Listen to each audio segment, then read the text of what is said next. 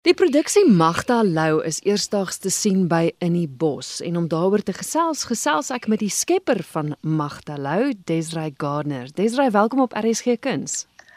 Baie dankie, is lekker om hier te wees.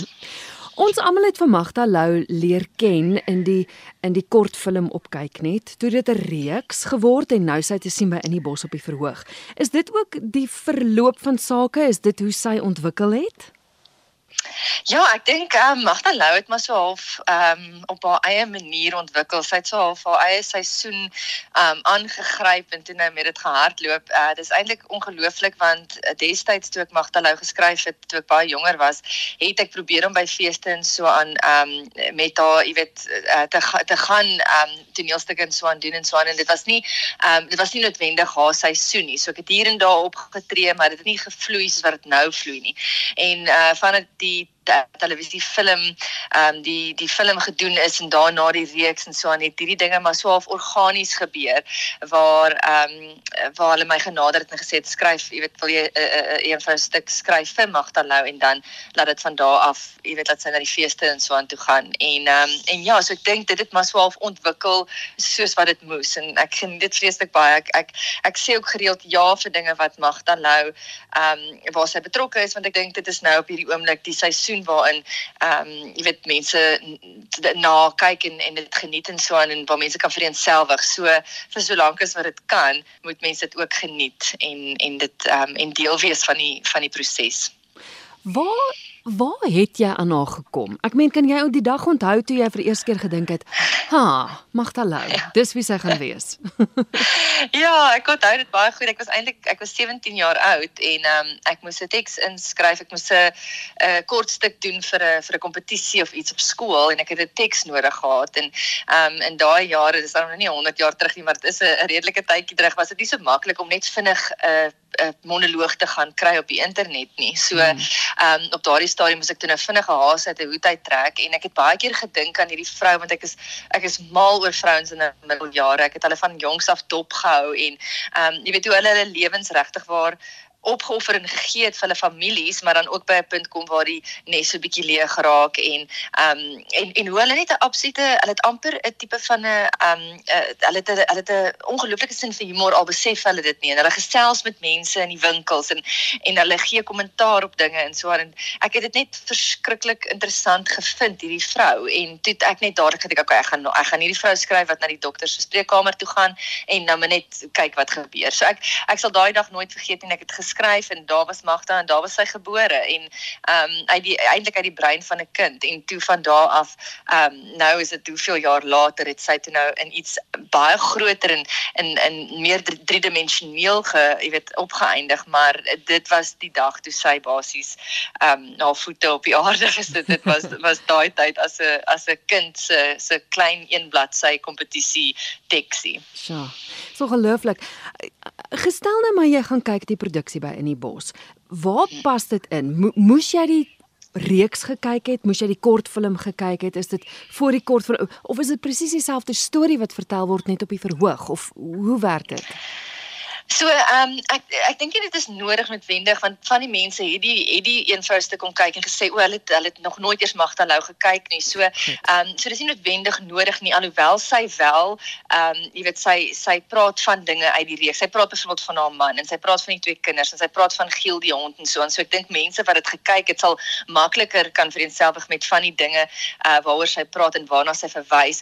Maar ehm um, maar Magda Lou se eenvouste is amper soos 'n tipe van 'n ehm um, is amper soos ek wil amper sê stand-up comedy, maar ek dink nie dis heeltemal dit nie. Dis eintlik meer 'n 'n praatjie wat Magda kom doen en sy kom doen dit in Magda styl. So daar's dinge wat sy verkeerd sê. Daar is woorde wat sy nie eintlik moet sê nie. Weet in in hier en daar is daar dinge wat uit haar mond uitkom wat bietjie stout oorkom en in in stout kan klink met woordspeling en so aan, maar op die einde van die dag raak sy aan temas wat ek dink meeste mense mee kan vereenselwig. So dis dit sy praat oor sosiale media en sy praat oor die waansin van die lewe en hoe waansinnig Ehm um, die dinge is, jy weet, een van die dinge wat sy sê is soos byvoorbeeld die enigste konstante is verandering. Dit is so, dit maak glad nie sin nie, maar ons aanvaar dit as waarheid want die lewe is eintlik waansinnig en mm. en dan ehm um, en dan praat sy oor oud word, jy weet, en die dinge en en en en ehm um, die dinge wat Magda maar gereeld oor gesels en dis lag, maar dis dan ook natuurlik die lag met 'n traan waarvan ek so baie hou want ek dink ons almal kan saam lag oor dinge, maar op die einde van die dag is ons vrese en die dinge wat ons nie ehm um, verstaan nie en die dinge waarvoor ons maar eintlik heimlik voor bang is, soos dinge wat ons nie verstaan nie, word tog ook daaraan geraak. So ek glo en hoop dat dat almal met dit sal kan vereensgewig. Ehm um, maar ek dink mense wat die reeks gekyk het of die mense wat vir Magda ken en reeds daar aankom met daai verwagting van Magda gaan reeds weet wat jy weet wat sy gaan sê. So hulle ehm um, hulle is 'n vergewende, hulle vergewe amper die dingetjies wat sy sê wat sy nie moet sê nie wat hulle ken nou al van Magda. Ja. Maar ehm um, ek dink dit is jy weet dis dis dis een van daai dinge waar ehm um, ek sou hoop dat daar temas aangeraak word wat mense mee kan vereensgewig en ehm um, net waansin wat ons sien op sosiale media en dinge wat ehm uh, mense wat ouer is nou mee moet hulle moet aanpas by hoe die lewe verander die lewe het so drasties verander van 'n tegnologie regtig jy weet die die die voorry inge, ingeneem het in ons lewens en dis dis dis daai tipe ehm um, gesprekke wat sy en daai temas wat sy aanraak. Hoekom dink jy het Magda so diep in die volk se harte ingekruip? Dink jy dis juis omdat sy praat oor goed waaroor ons nie regtig praat nie en kwessies aanraak, maar hoekom dink jy is mense so gaande oor haar?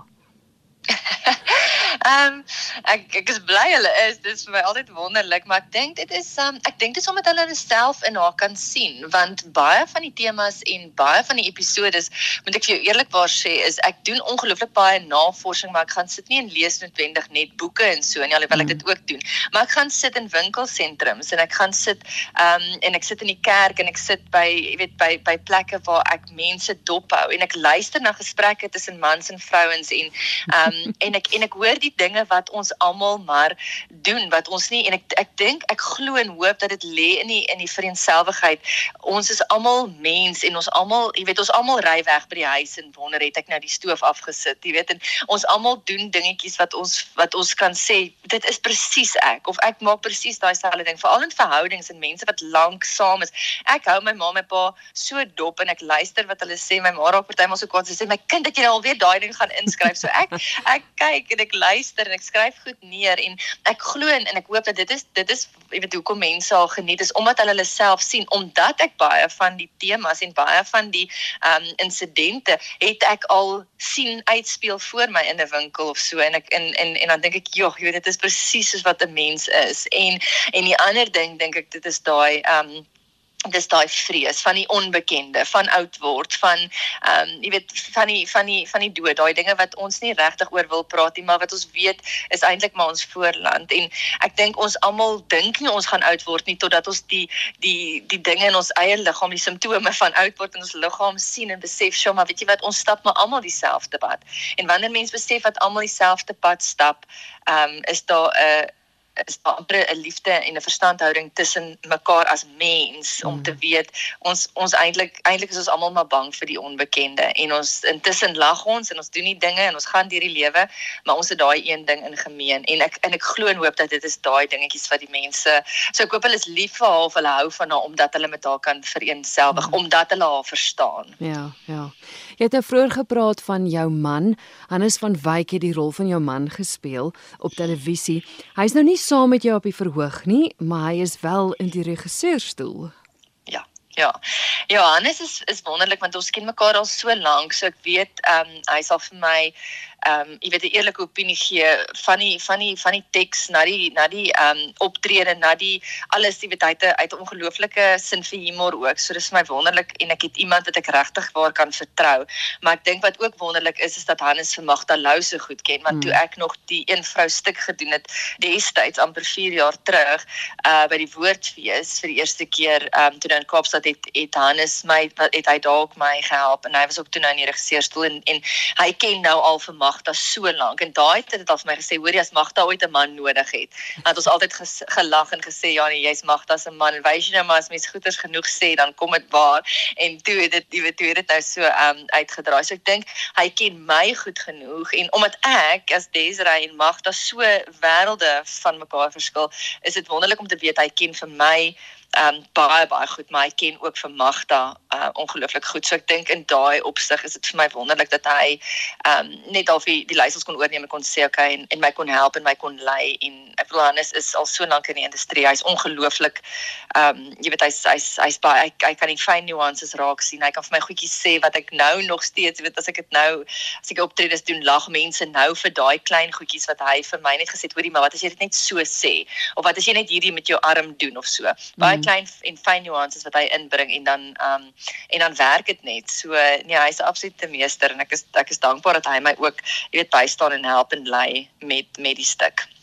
Desiree het nou gesê dat jy Magdalou die eerste keer geskryf het as 'n 17-jarige en ek weet jy het vele tekste al op jou kerfstok. Skryf is nogal so groot deel van van wat jy doen in die in die bedryf. Ja, ek het seker so, so voor as ek begin jare tel, dan besef ek hoe oud ek word, want was seker so so 9 jaar terug wat ek vir die eerste keer ehm um, jy weet professioneel begin skryf het en ek moet sê die eerste keer was maar vir my vrees aan Jan want ek het my meeste van die tyd ehm um, as aktrise, jy weet meeste van die tyd was was dit maar wat ek gedoen het in die, en en dis hoe ek stories vertel het. Maar ek het nog altyd geweet ek is baie lief vir skryf en ek is baie lief vir stories vertel op daai manier. Ehm um, so dit is dit is en ek is ek is dankbaar daarvoor. Wys jy ook maar net hoe die lewe homself ehm um, jy weet vorm om om jou om by jou lewe aan te pas. Vandag is ek 'n ma van twee kinders en ek moet ehm um, die kinders gaan oplaai by die skool en ek moet as daar 'n trei vergeet is of of 'n jy weet sak vergeet is, moet ek gaan ek moet dit gaan aflaai en so en vir my is dit ongelooflik en ek is so dankbaar dat ek dit kan doen. So so toe die lewe nou homself so half ehm um, gevorm dat ek nou ehm um, bietjie meer fokus op die skryf en die vertaling en die subtitels en so aan.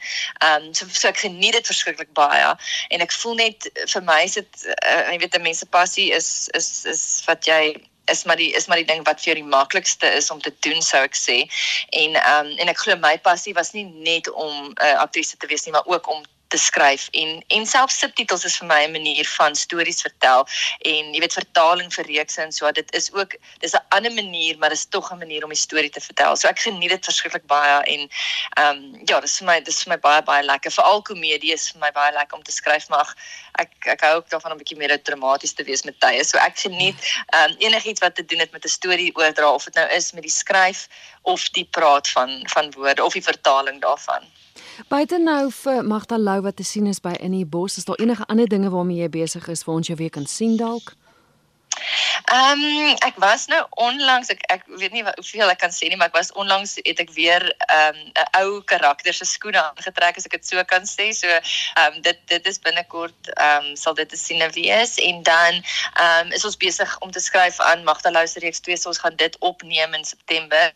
Ehm um, anders as dit is ek is ek besig om ehm um, aan die in die in die beginfase van 'n ander reeks ook en ehm um, en en dan is daar ook sprake van 'n ander teaterstuk vir volgende jaar, maar dis nou alles so half, jy weet in die beginfase. So ons ehm um, ons is nog in die baba skoene daar. Op hierdie stadium fokus ek nou nogals ehm um, is my fokus nou basies maar op Magdalou om om die tweede reeks ook net van so aard het dat die mense nog steeds daai selfde waarheid kan kry. En is altyd moeilik jy weet om om te sê okay reeks 1 was nou lekker so kom ons kyk nou na reeks 2 so dit dit verg nogal baie ehm um, fokus om seker te maak dat dit wat ons insit is dat die mense nog steeds dieselfde daai uit sal kry. En ons hoop dat dit sal dieselfde dat mense nog steeds kan lag met 'n traan en ehm um, en en jy weet en dit ook al geniet en so dat sy kan voortleef. So daar's 'n paar goedjies in die baba skoene en en dan die res is is is dan die ehm um, die voorbereiding vir Magda ehm um, seisoen 2.